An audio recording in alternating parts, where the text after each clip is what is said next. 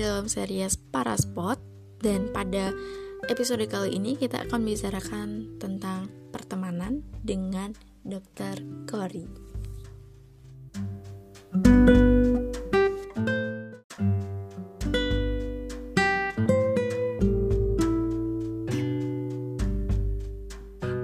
Halo, selamat malam Mbak Cory. Berjumpa lagi dalam series Paraspot.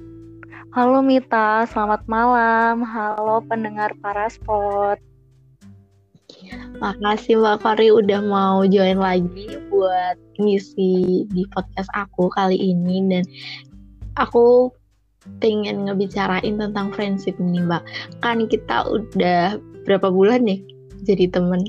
6 bulan iya. ya jadi enam bulan pengen ngomongin lebih jauh dong persepsi friendship menurut Mbak Kori itu seperti apa gitu. Jadi kalau aku sih uh, ngebedain suatu pertemanan itu ada yang emang beneran temen aja gitu atau sahabat gitu. Jadi kalau misalnya temen-temen temen yang literally temen doang gitu itu ya orang-orang yang pernah berinteraksi dengan kita yang sering sih lebih tepatnya paling enggak ya kita berinteraksi ya cuma satu kali. Itu kalau misalnya cuma satu kali berinteraksi ya kenal di jalan doang kan. Kayak misalnya uh, teman kerja gitu berarti orang-orang yang berinteraksi dengan kita di tempat kerja atau teman sekolah gitu kan. Berarti orang-orang yang berinteraksi dengan kita di sekolah atau teman pokoknya kayak ada uh, apa ya yang dituju gitu di suatu interaksi itu gitu. Entah itu e, cuman buat senang-senang atau memang ada tujuannya gitu. Itu sih kalau teman. Tapi kalau misalnya kita masuk ke yang lebih dalam jadi kalau misalnya kita berteman sampai benar-benar kayak semua perasaan itu kita larut gitu sampai kita kayak bisa meluapkan apa pun ke dia gitu. Sampai uh, sampai kita itu nggak definisi tujuan kita itu sampai kayak nggak tahu gitu kan nggak jelas. Itu kayak menurut aku udah masuk ke kayak sahabat atau bisa juga nanti bisa masuk ke kayak kekeluargaan gitu. Berarti ada pelevelan dalam pertemanan itu sendiri sih mbak? Uh, ya aku sih gitu. Bukan pelevelan sih mungkin lebih ke uh, sejauh apa interaksi itu. Ya boleh sih disebut pelevelan cuman kayak uh, seberapa jauh kita bisa berbaur dan ngeblend sama pertemanan itu gitu. Hmm, kalau menurut mbak keluarga itu masuknya interaksi pertemanan atau seperti apa? Um, kadang aku mikir keluarga itu bisa dijadiin teman gitu jadi uh, temen kan ada suatu tujuan ya sebenarnya keluarga itu uh, harus bisa mengcover semuanya sih maksudnya keluarga itu lebih dari teman, lebih dari sekedar teman. Jadi otomatis kalau misalnya udah jadi keluarga, pasti dia juga harus sudah menjadi teman. Jadi gimana ya? Kalau misalnya teman itu kan yang kayak aku bilang ya menurut aku dia hanya ada uh, beberapa tujuan gitu atau di suatu interaksi itu harus ada tujuan tapi kalau misalnya keluarga ya semua tujuan kita, semua interaksi kita dengan tujuan apa pun itu ada di, harus ada di keluarga. Jadi udah pasti kalau udah jadi keluarga ya dia harus juga jadi teman buat kita gitu. Kalau aku sih gitu sih Mit. ini literally pendapat aku aja ya. Iya, kita ngomongin pendapat kita masing-masing di sini itu. Dan nah, iya, ya, benar benar. Seberapa penting sih pertemanan itu? Hmm, penting banget sih menurut aku. Jadi uh, aku nggak tahu kenapa, tapi sejak aku kecil gitu ya, aku tuh pasti nggak tahu kenapa dapet temen tuh yang um, sesayang itu gitu sama aku ada gaya banget. Tapi ya kayak gitu. Jadi dari aku SD itu aku bener-bener kalau misalnya berteman ada gitu yang kayak bertemannya itu kayak banget banget gitu. Kayak teman sekolah yang kayak ke mana-mana sama dia gitu. Terus kayak di SMP juga kayak ada aja gitu yang bener-bener ada orang yang berinteraksi sama kita. Terus kayak dia selalu mensupport apa pun yang kita lakukan gitu. Walaupun dia kayak um, mengkritik tapi kritik itu bener-bener untuk kebaikan kita dan untuk membangun kita menjadi pribadi yang lebih baik gitu. Jadi aku aku sih sangat bergantung sama pertemanan ya menurut aku ya karena aku kayak aku tuh nggak bisa hidup kayak yang bener-bener sendiri. Kayak aku kalau harus sendiri tuh bener-bener kayak tersiksa gitu. Jadi kayak aku suka banget kalau misalnya aku dikelilingi sama orang-orang gitu. Jadi aku suka banget kayak kenalan sama orang baru gitu. Terus kayak berinteraksi dengan orang baru. Jadi kayak kita punya banyak teman dengan tujuan apa pun gitu. Kita akan dapat kayak banyak hal gitu kalau misalnya kita berinteraksi dengan orang banyak gitu. Hmm, tadi Mbak beberapa kali ngomongin tujuan kayak gitu. Sebenarnya tujuan itu, mm-hmm. itu seperti apa sih gitu? Apakah kita ngambil benefitnya atau memang klub aja gitu maksudnya di sini uh, kayak gimana sih Iya, bukan selalu benefit sih, tapi hal yang membuat kita nyaman gitu. Jadi uh, aku kasih aku sih kayak lebih kerasanya itu pas kuliah ya. Jadi aku kuliah itu punya beberapa circle gitu. Ya circle circle pertemanan sih. Kayak misalnya kalau aku ingin diskusi aku itu ada teman-teman kayak kelompok teman-teman yang emang uh, untuk diskusi. Jadi aku bilangnya itu teman-teman diskusi. Tapi kalau misalnya uh, untuk main itu jadi orang-orang yang emang nyaman untuk kita buat main gitu. Terus ada lagi juga orang-orang yang emang kita uh, bisa nyaman kalau misalnya kita makan bareng kayak emang hobi kuliner hobi cicip makanan itu.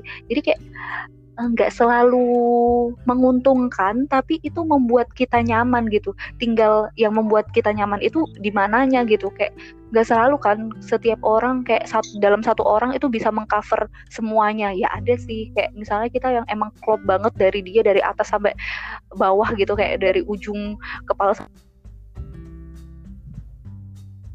nggak selalu gitu. Dan ya nggak apa juga sih menurut aku kayak yang penting itu bisa jadi bisa membuat kita nyaman di segi apa pun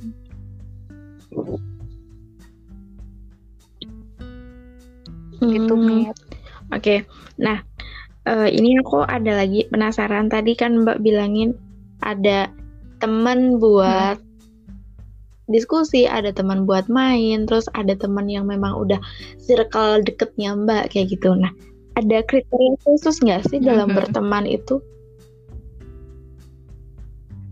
Uh, sebenarnya sih yang paling penting adalah dia maksudnya aku ketika berinteraksi dia dengan dia benar-benar uh, nyaman yang pertama ya nyaman yang kedua um, tidak merugikan dalam artian aku nggak menjadi apa ya aku emang kayak gila untuk berteman. Maksudnya kayak aku suka banget berteman tapi aku nggak mau kalau misalnya pertemanan itu sampai membuat aku menjadi budak teman gitu. Maksudnya gimana ya aku bilangnya? Kayak sampai yang kamu harus merubah kepri kepribadian kamu sampai yang kamu harus mengorbankan apa pun hanya untuk mendapatkan suatu interaksi. Itu kayak eh, nggak uh, banget gitu. Tapi kalau misalnya kriteria kriteria khusus sih nggak ada. Pokoknya kita di suatu interaksi itu ya itu oke-oke aja gitu. Hmm, jadi yang terpenting adalah nyaman dan tidak merugikan. Nah, ngomong iya. ngomongin tidak merugikan nih, ada nggak sih orang teman hmm. yang toxic kayak gitu? Atau malah kan diri Mbak toxic kepada teman Mbak gitu? Aku gimana ya? Aku pernah sih kayak yang menurut aku akhirnya aku menghindari suatu uh, circle itu. Yang kayak aku bilang kalau misalnya dia nggak bisa mensupport kita nggak bisa menerima kita terus kita juga tidak merasakan ada kecocokan dan kenyamanan di suatu komunitas atau suatu circle itu suatu interaksi itu menurut aku itu toksik jadi aku pernah kayak di suatu ya apa ya bukan di suatu komunitas. Jadi uh, ya ketemulah sama orang-orang gitu. Terus kayak ya, ternyata mereka uh, gaya hidup mereka misalnya tidak sesuai dengan aku gitu. Kalau misalnya aku harus masuk ke circle itu aku harus benar-benar kayak merubah uh, kepribadian aku dan personality aku dan bahkan aku harus kayak menyesuaikan dengan hidup mereka kayak dengan gaya hidup mereka yang itu sama sekali nggak cocok sama aku. Kayak misalnya aku dari ekonomi keluarga ekonomi menengah ke bawah gitu. Terus sedangkan mereka dalam uh, bergaul dan menjalani hidup itu adalah orang-orang yang kayak ya high end gitu yang kayak gaya hidupnya gila banget gitu. Itu kan sangat nggak cocok dan ketika aku berinteraksi dengan mereka aku harus mengikuti mereka. Itu kayak kalau misalnya uh, kita menjadi diri kita maksudnya kayak uh, menjadi uh, sesuai dengan personality kita terus kayak kita selalu kayak di komen gitu loh lo tuh nggak harusnya kayak gini lo tuh harusnya kayak gini gitu. Yang emang bukan kayak kita tuh nggak kayak gitu gitu. Maksudnya dengan uh, dengan kita menjadi diri kita sekarang itu sebenarnya udah cukup baik nggak harus jadi kayak mereka gitu. Itu menurut aku kayak itu cukup toksik sih. Jadi ya nggak harus juga berteman itu menggadaikan seluruh hal yang kita punya gitu terus mbak pernah ngerasa nggak yang tadi aku tanyain uh, merasa toksik untuk orang lain ya mungkin pernah sih kayak emang aku kan kadang ya aku orangnya uh, ini kan kayak ceplos-ceplos gitu kan. Hmm. Ya mungkin orang itu akan merasa itu sebuah uh, hal yang toksik gitu. Walaupun kadang juga apa yang kita sampaikan sebenarnya kayak nggak bermaksud untuk menyinggung gitu kan. Tapi kayak kadang ada juga kayak orang yang uh, terluka gitu.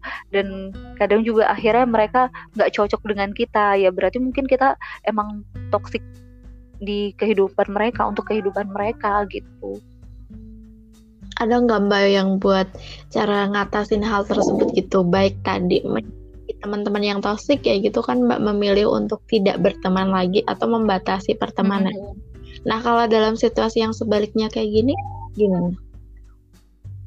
Kalau misalnya kayak gitu ya aku berusaha untuk kalau misalnya sama orang baru ya, maksudnya kenal sama orang baru ya berusaha banget kayak biar ngomong tuh bener-bener kayak di istilahnya apa ya? Di filter, dikontrol gitu kayak nggak semua hal gitu harus benar-benar uh, diluapkan. Jadi kayak ya udah dilihat aja kecuali kalau misalnya emang kita udah kenal banget sama orang itu gitu.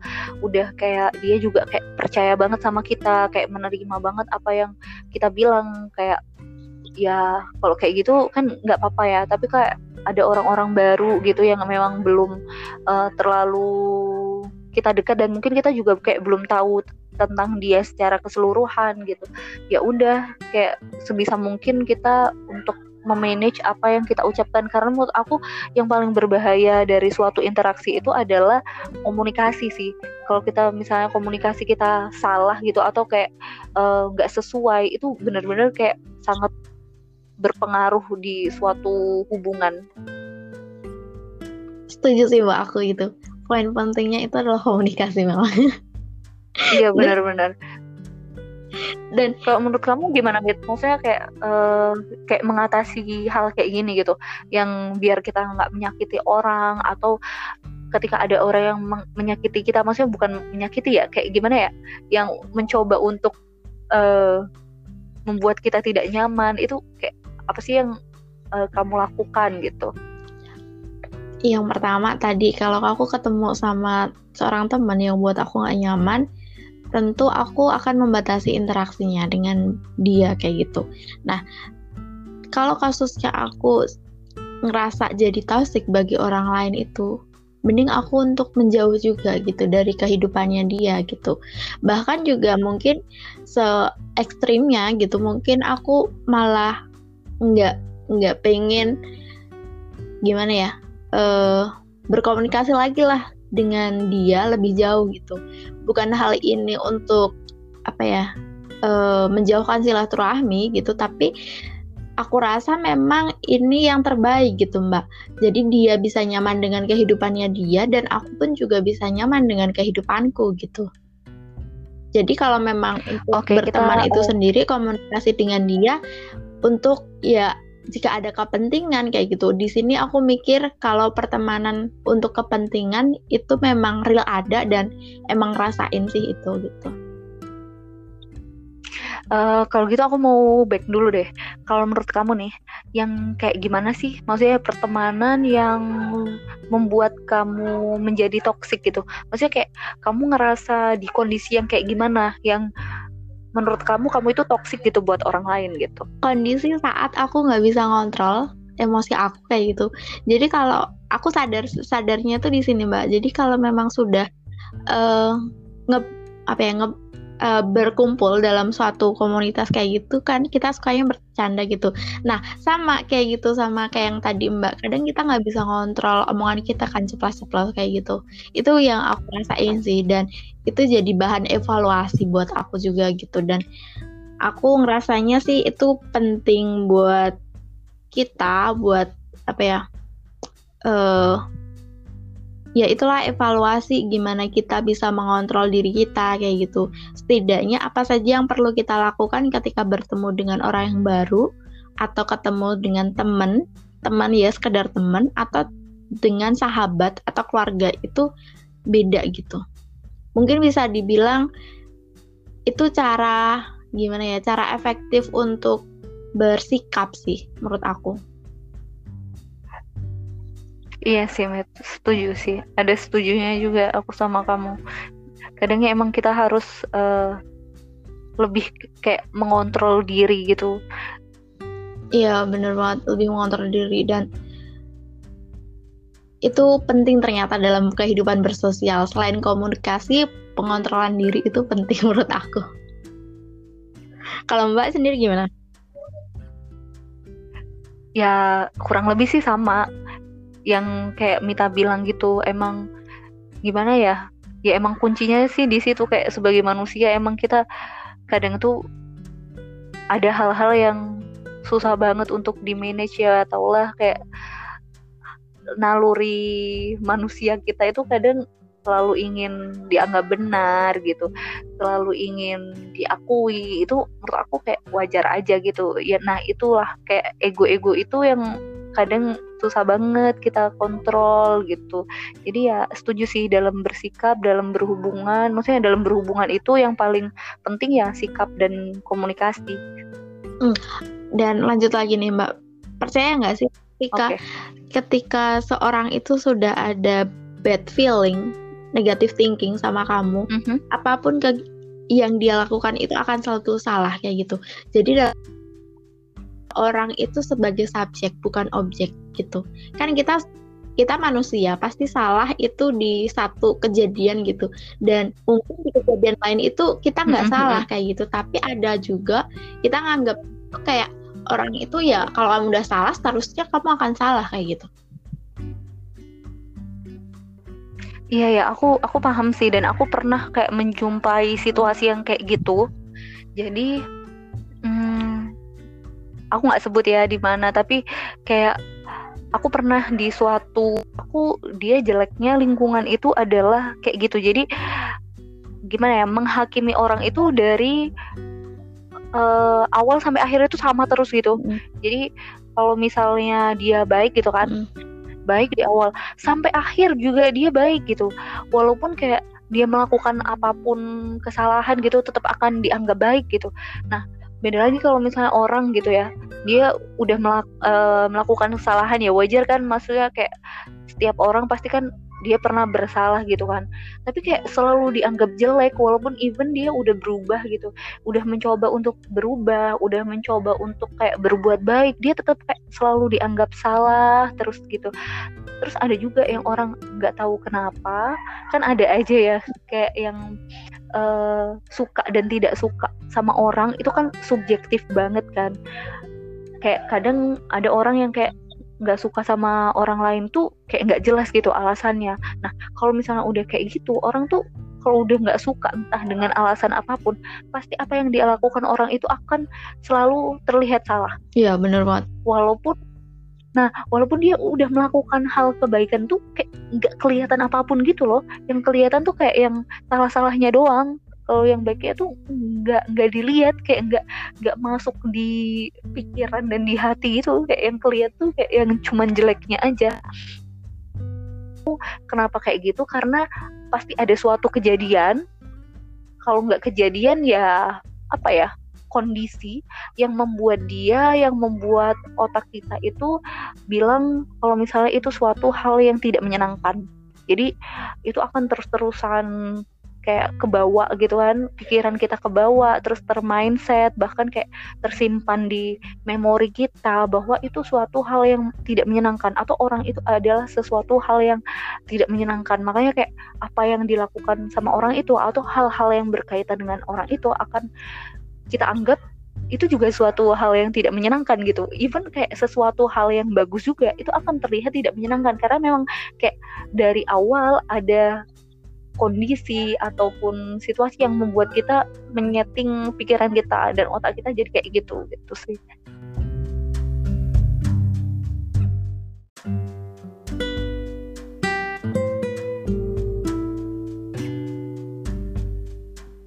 Lanjut nih Mbak ya. Jadi kalau jadi kalau kita sudah menghadapi pada tahap itu gitu, melihat orang tuh selalu salah gitu. Nah, cara mengatasinya gimana?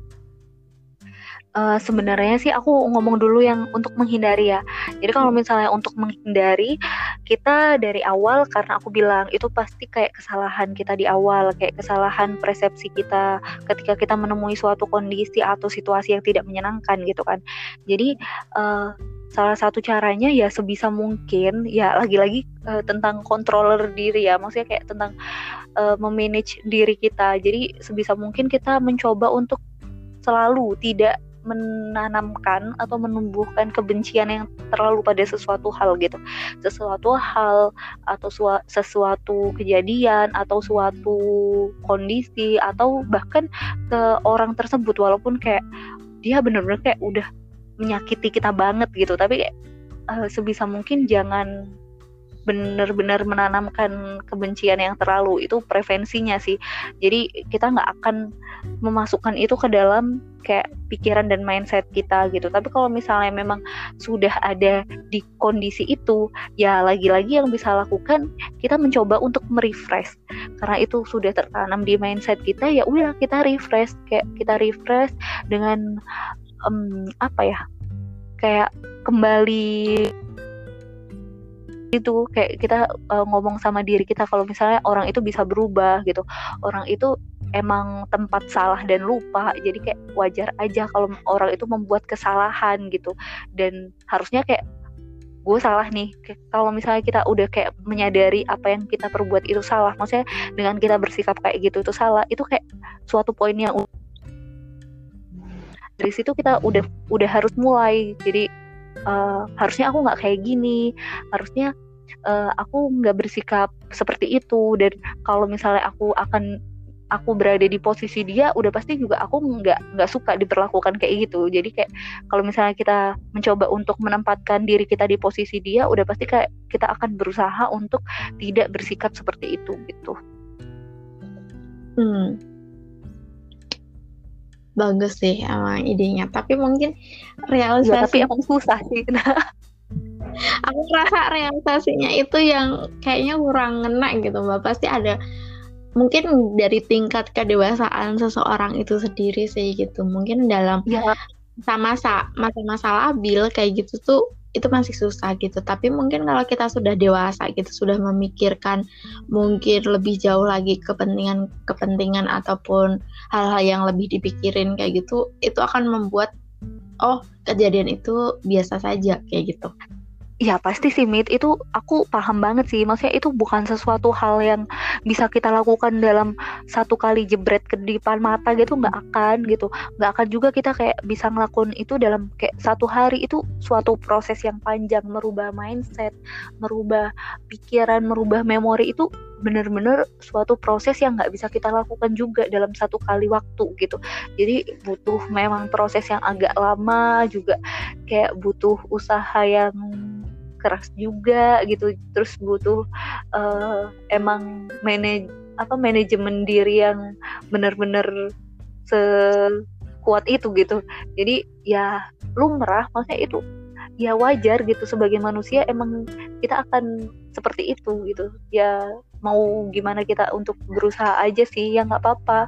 Yang penting kayak kita udah ada niatan untuk berubah udah sempet ada niatan untuk bersikap menjadi yang lebih baik gitu iya sih mbak bener banget setuju itu aku poinnya nah tadi kita udah bahas tentang hal-hal yang toxic dan mungkin menyakitkan gitu dalam pertemanan. Mm-hmm. Nah sekarang ngomongin tentang pertemanan yang berkualitas. Mm-hmm. Itu seperti apa? Hmm, kayak yang tadi aku bilang ya, aku tuh dari dulu aku kayak ngerasa orang-orang yang pernah berinteraksi aku tuh bener-bener kayak mencurahkan segala kasih sayangnya gitu, ada kayak banget kayak dari iya. zaman SD sampai SMA itu aku kayak uh, ketemu aja gitu sama orang-orang yang bener-bener kayak sesayang itu gitu sama aku. Maksudnya kayak mensupport aku selalu kayak mendukung apa yang aku lakukan kayak percaya banget sama apa yang akan aku kerjakan gitu. Itu menurut aku kayak ya cukup menyenangkan dan cukup berkualitas. Dan yang pertama sih tetap kenyamanan ya yang paling aku utamakan. Cuman kalau misalnya uh, suatu pertemanan yang emang kita dapat semuanya itu emang akan susah gitu.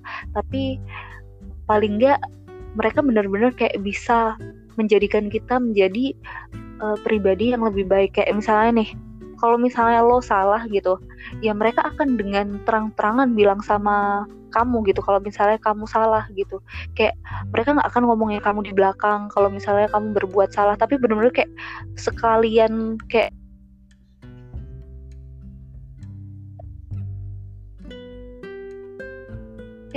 lebih kayak mereka baik-baik di de di depan kita kayak tidak ada kayak uh, selalu memuji kita, selalu membu uh, apa sih mengatakan sama kita kalau misalnya apa yang kita lakukan itu benar. Padahal sebenarnya kayak di belakang mereka ngomongin kita kalau misalnya tindakan kita itu salah itu kayak eh, nggak uh, bagus sih yang, yang kayak gitu. Lebih baik kayak benar-benar orang yang kayak dalam keadaan apa pun, sesalah apa pun, seenggak menyenangkan apa pun yang kita lakukan itu mereka benar-benar kayak mengatakan itu di depan kita. Walaupun itu akan membuat kita sampai menangis-nangis dan kayak merasa jatuh sejatuh-jatuhnya itu nggak apa-apa. Jadi menurut aku pertemanan yang berkualitas itu yang kayak gitu yang bisa mendukung kita uh, di saat apa pun gitu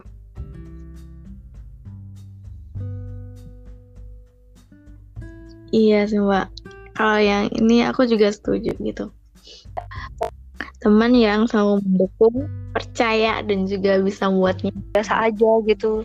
Terus kayak pas di belakang kayak uh, ngomongin yang jelek-jelekin kita kayak nggak nggak sesuai dengan yang dia omongin di depan kita gitu.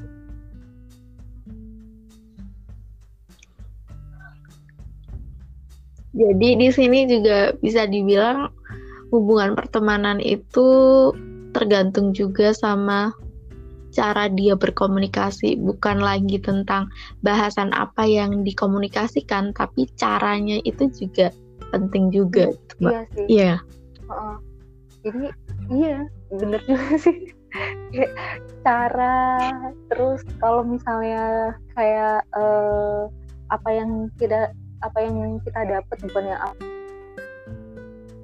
apa ya bawa gitu kayak misalnya punya hobi yang sama itu ya banyak orang yang punya hobi yang sama tapi kan yang punya hobi yang sama yang kayak gimana yang bisa masuk di kita gitu itu jadi kayak hmm. uh, kenyamanan dan kemampuan untuk berkomunikasi itu yang paling utama sih selain yang lain ya yang lainnya tuh kayak plus plusnya aja hmm. gitu kayak misalnya kamu di suatu circle kamu suka banget karena selain kamu nyaman selain kamu bisa mencurahkan semuanya kamu juga kayak dapet uh, teman diskusi gitu yang kamu bisa mendiskusikan apa pun. Itu menurut aku bonus aja gitu.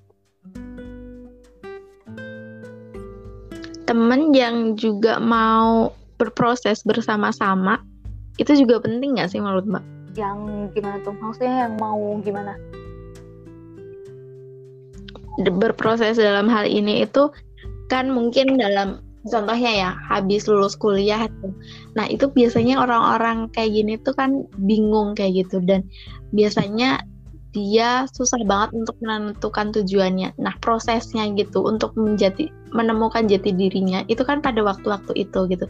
Kadang orang malah menjauh karena dia nggak siapa-siapa kayak gitu. Nah, orang yang anggap yang telah berteman dan mau mendukung dia sejak dari nol gitu, itu kalau menurut Mbak tipe teman yang seperti apa? Itu menurut itu termasuk ya? Itu menurut aku uh, orang yang nggak boleh kita lepaskan sih. Jadi uh, kalau misalnya aku bisa sebut dia dia nggak cuma sekedar teman aja tapi dia bisa juga jadi sahabat dan bahkan saudara kita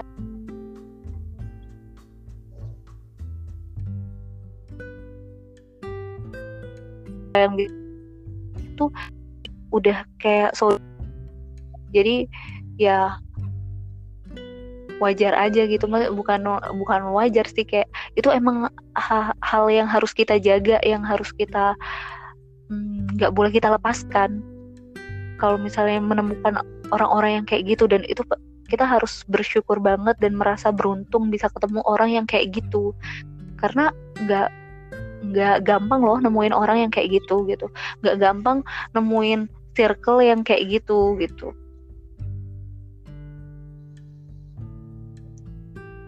Rasanya kayak permata gitu dalam hidup kita Bener. gitu ya mbak. Nah ngomongin tentang tadi yang bahagia-bahagia ceritain dong mbak pengalamannya mbak punya teman yang sampai uh, mendukung mbak segitunya gitu. Um, yang paling aku kerasa sih waktu kuliah ya. Jadi kuliah itu mm -hmm. um, ya aku kuliah di fakultas kedokteran yang notabene semua anak yang masuk di fakultas kedokteran adalah anak-anak orang kaya gitu. Karena ya tau lah SPP anak FK berapa gitu. Jadi kayak pasti yang masuk adalah orang-orang yang berduit gitu kan. Cuman hmm, kita masuk maksudnya aku masuk itu dari jalur beasiswa yang kayak teman-teman aku yang lainnya di jalur beasiswa juga bukan selalu orang yang punya duit juga gitu. Maksudnya kayak nggak selalu orang yang dari menengah ke atas gitu. Ada juga kayak yang kayak aku dari menengah ke bawah gitu kan. Nah di situ aku ketemu sama orang-orang yang kayak pertama satu bisa dibilang satu nasib gitu ya terus satu tujuan juga maksudnya satu tujuan ya kita mau um, jadi dokter gitu misalnya atau kita mau lulus di waktu yang sama gitu dengan uh, kemampuan yang kita miliki itu hal yang sama gitu. Nah di situ dari awal aku masuk gitu ya sampai akhir itu benar-benar mereka nggak pernah yang ninggalin aku gitu.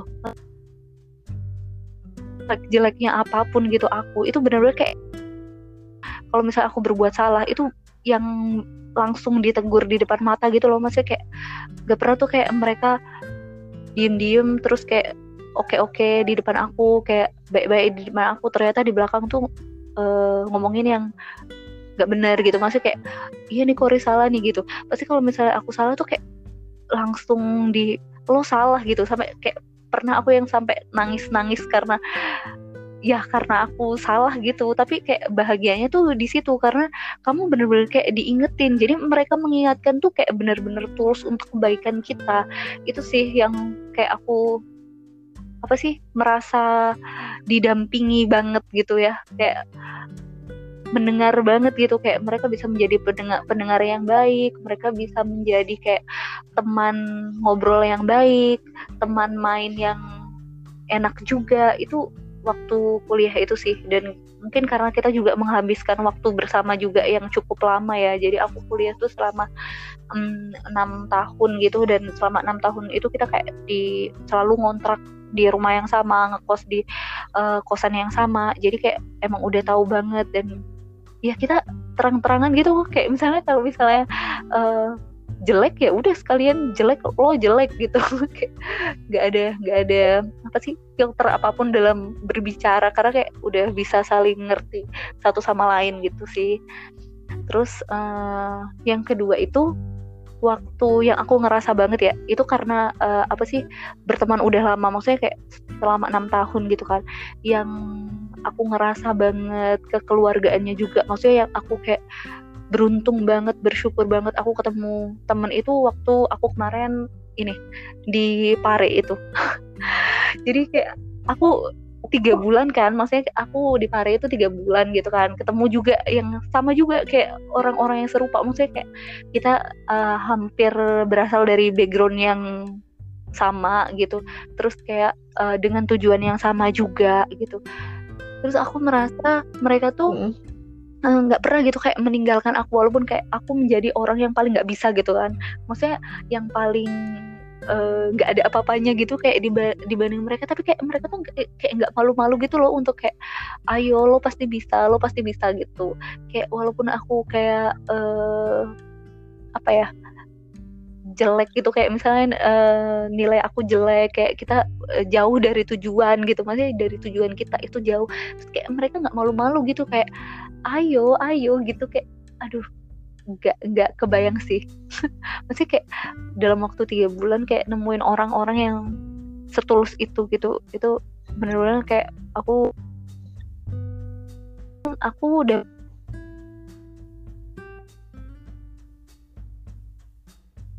chemistry dari juga karena kayak kita uh, menghabiskan waktu yang sama juga. Maksudnya menghabiskan waktu yang sama uh, cukup panjang maksudnya cukup panjang itu kayak kita tinggal di tempat yang sama kan kayak di kosan yang sama gitu. Jadi kayak kita bertemu mereka selama 24 jam gitu. Jadi mungkin dari interaksi itu sih yang bikin uh, rasa bertemannya tuh bener-bener kayak ini orang nggak bisa dilepaskan gitu. Uh, pertemanan ini harus dijaga gitu sih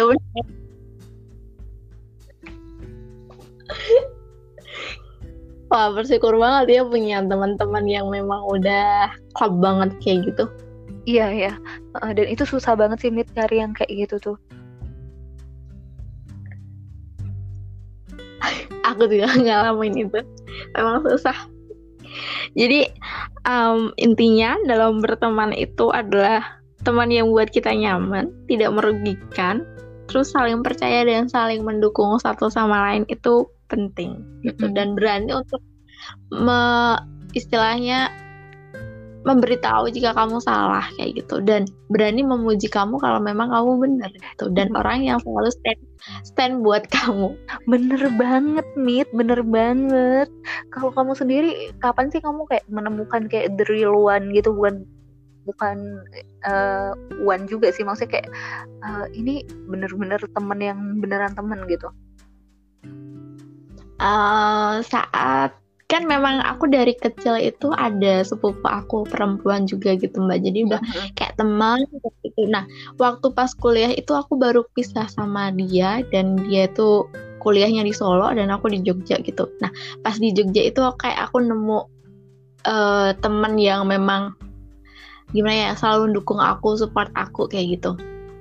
Itu yang pertama itu memang kita satu asrama satu kamar kayak gitu dan waktu itu memang kan lagi mungkin lah labil hmm. gitu ya. Nah saling salah kayak gitu. Dan akhirnya itu mengakui gitu loh mbak sampai nangis kayak gitu. Aku sih aku yang mengakui terus nangis kayak gitu. Terus kejadian lagi kita kan masih berteman sampai lulus kayak gitu. Nah pas lulus itu satu kejadian yang memang dia uh, memberi, tahu aku kalau kalau aku salah ya dia ngasih tahu sampai nangis tuh sampai jam 12-an kayak gitu loh. Pernah juga kayak gitu. Terus apa itu namanya uh, kalau ada apa-apa kan aku udah nggak stay di Jogja gitu. Kalau pas balik ke Jogja itu nginepnya ke dia gitu. Saling nerima kalau memang dia nggak suka apa kayak gitu. Kita aku nggak suka kayak gini kayak gitu.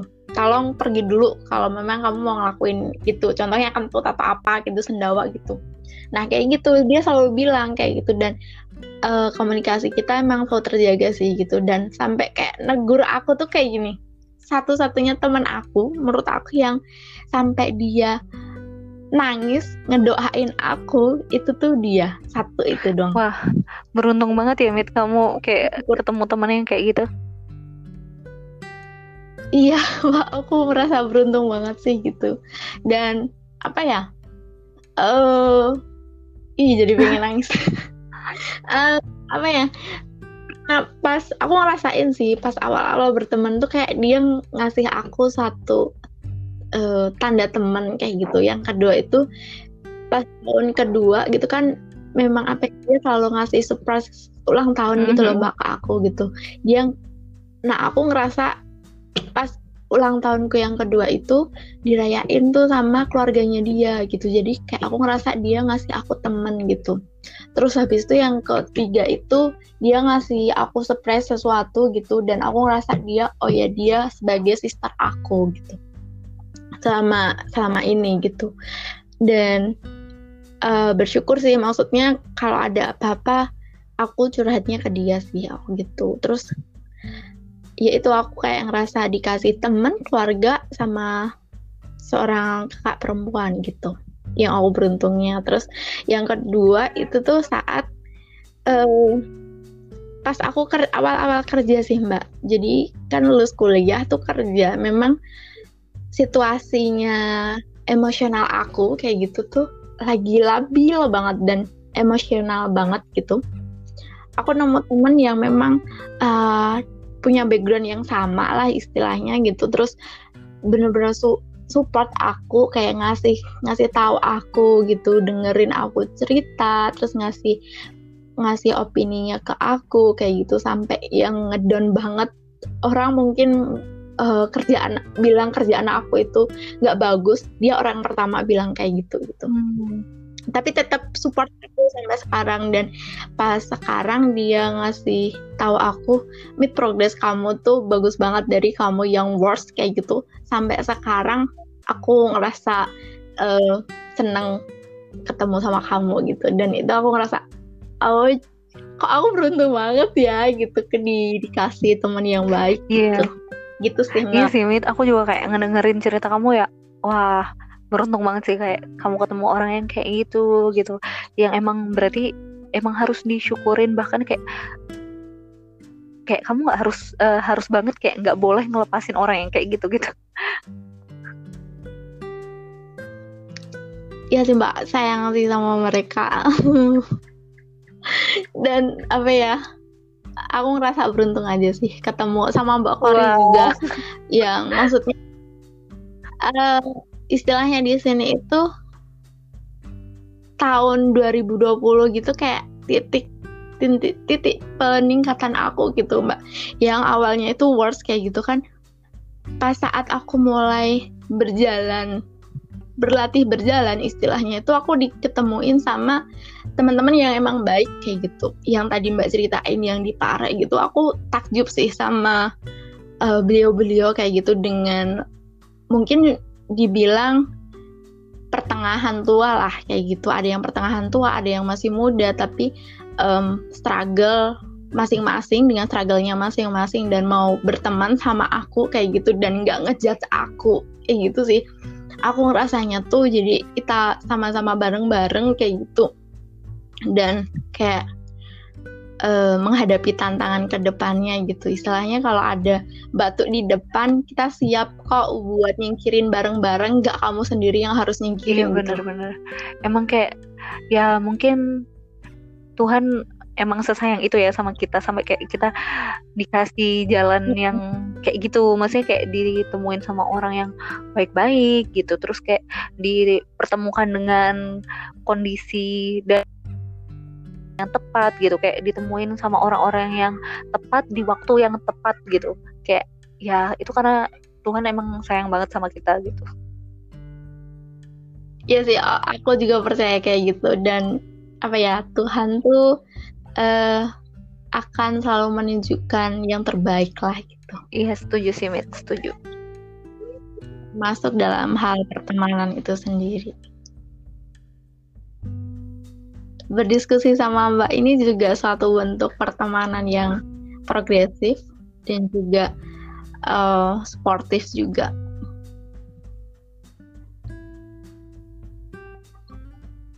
berat banget ya kayaknya kita omongin nggak berat sih kayak uh, penuh dengan makna yang cukup ini, yang cukup mendalam. Aku kira juga ini Mbak, kita ngomonginnya kan menurut aku lebih ke tema yang ringan kayak gitu. Tapi kalau memang sudah pembahasannya kita saling menghargai kayak gitu menurut aku oh ini patut diapresiasi sih. Iya iya, setuju setuju. Oke Mbak Kori, uh, makasih ya udah nyempetin buat cerita dan berbagi opininya dalam tema pertemanan ini. Semoga kita dapat manfaatnya, kita dapat berdiskusi mm. bareng, gitu kan um, ke depannya nanti kita podcast ya boleh ya. aku senang banget kok kalau misalnya ngobrol-ngobrol sama kamu jadi kayak ngobrol kita itu selalu terarah gitu kan terus ada aja gitu hal-hal hal-hal baru yang bisa aku ambil gitu ketika ngobrol sama kamu gitu dan ya mudah-mudahan orang lain juga kayak mendapatkan hal baru juga dari apa yang kita omongin gitu ya walaupun ya kita ngom selalu ngomongin hal-hal yang agak receh ya Mit ya Iya benar banget Pak. Semoga kita saling bisa ambil manfaatnya lah kayak gitu. Dan benefitnya masing-masing. Uh, makasih Mbak Kori. Kita lanjut lagi di podcast berikutnya okay. ya. Iya. Bye bye.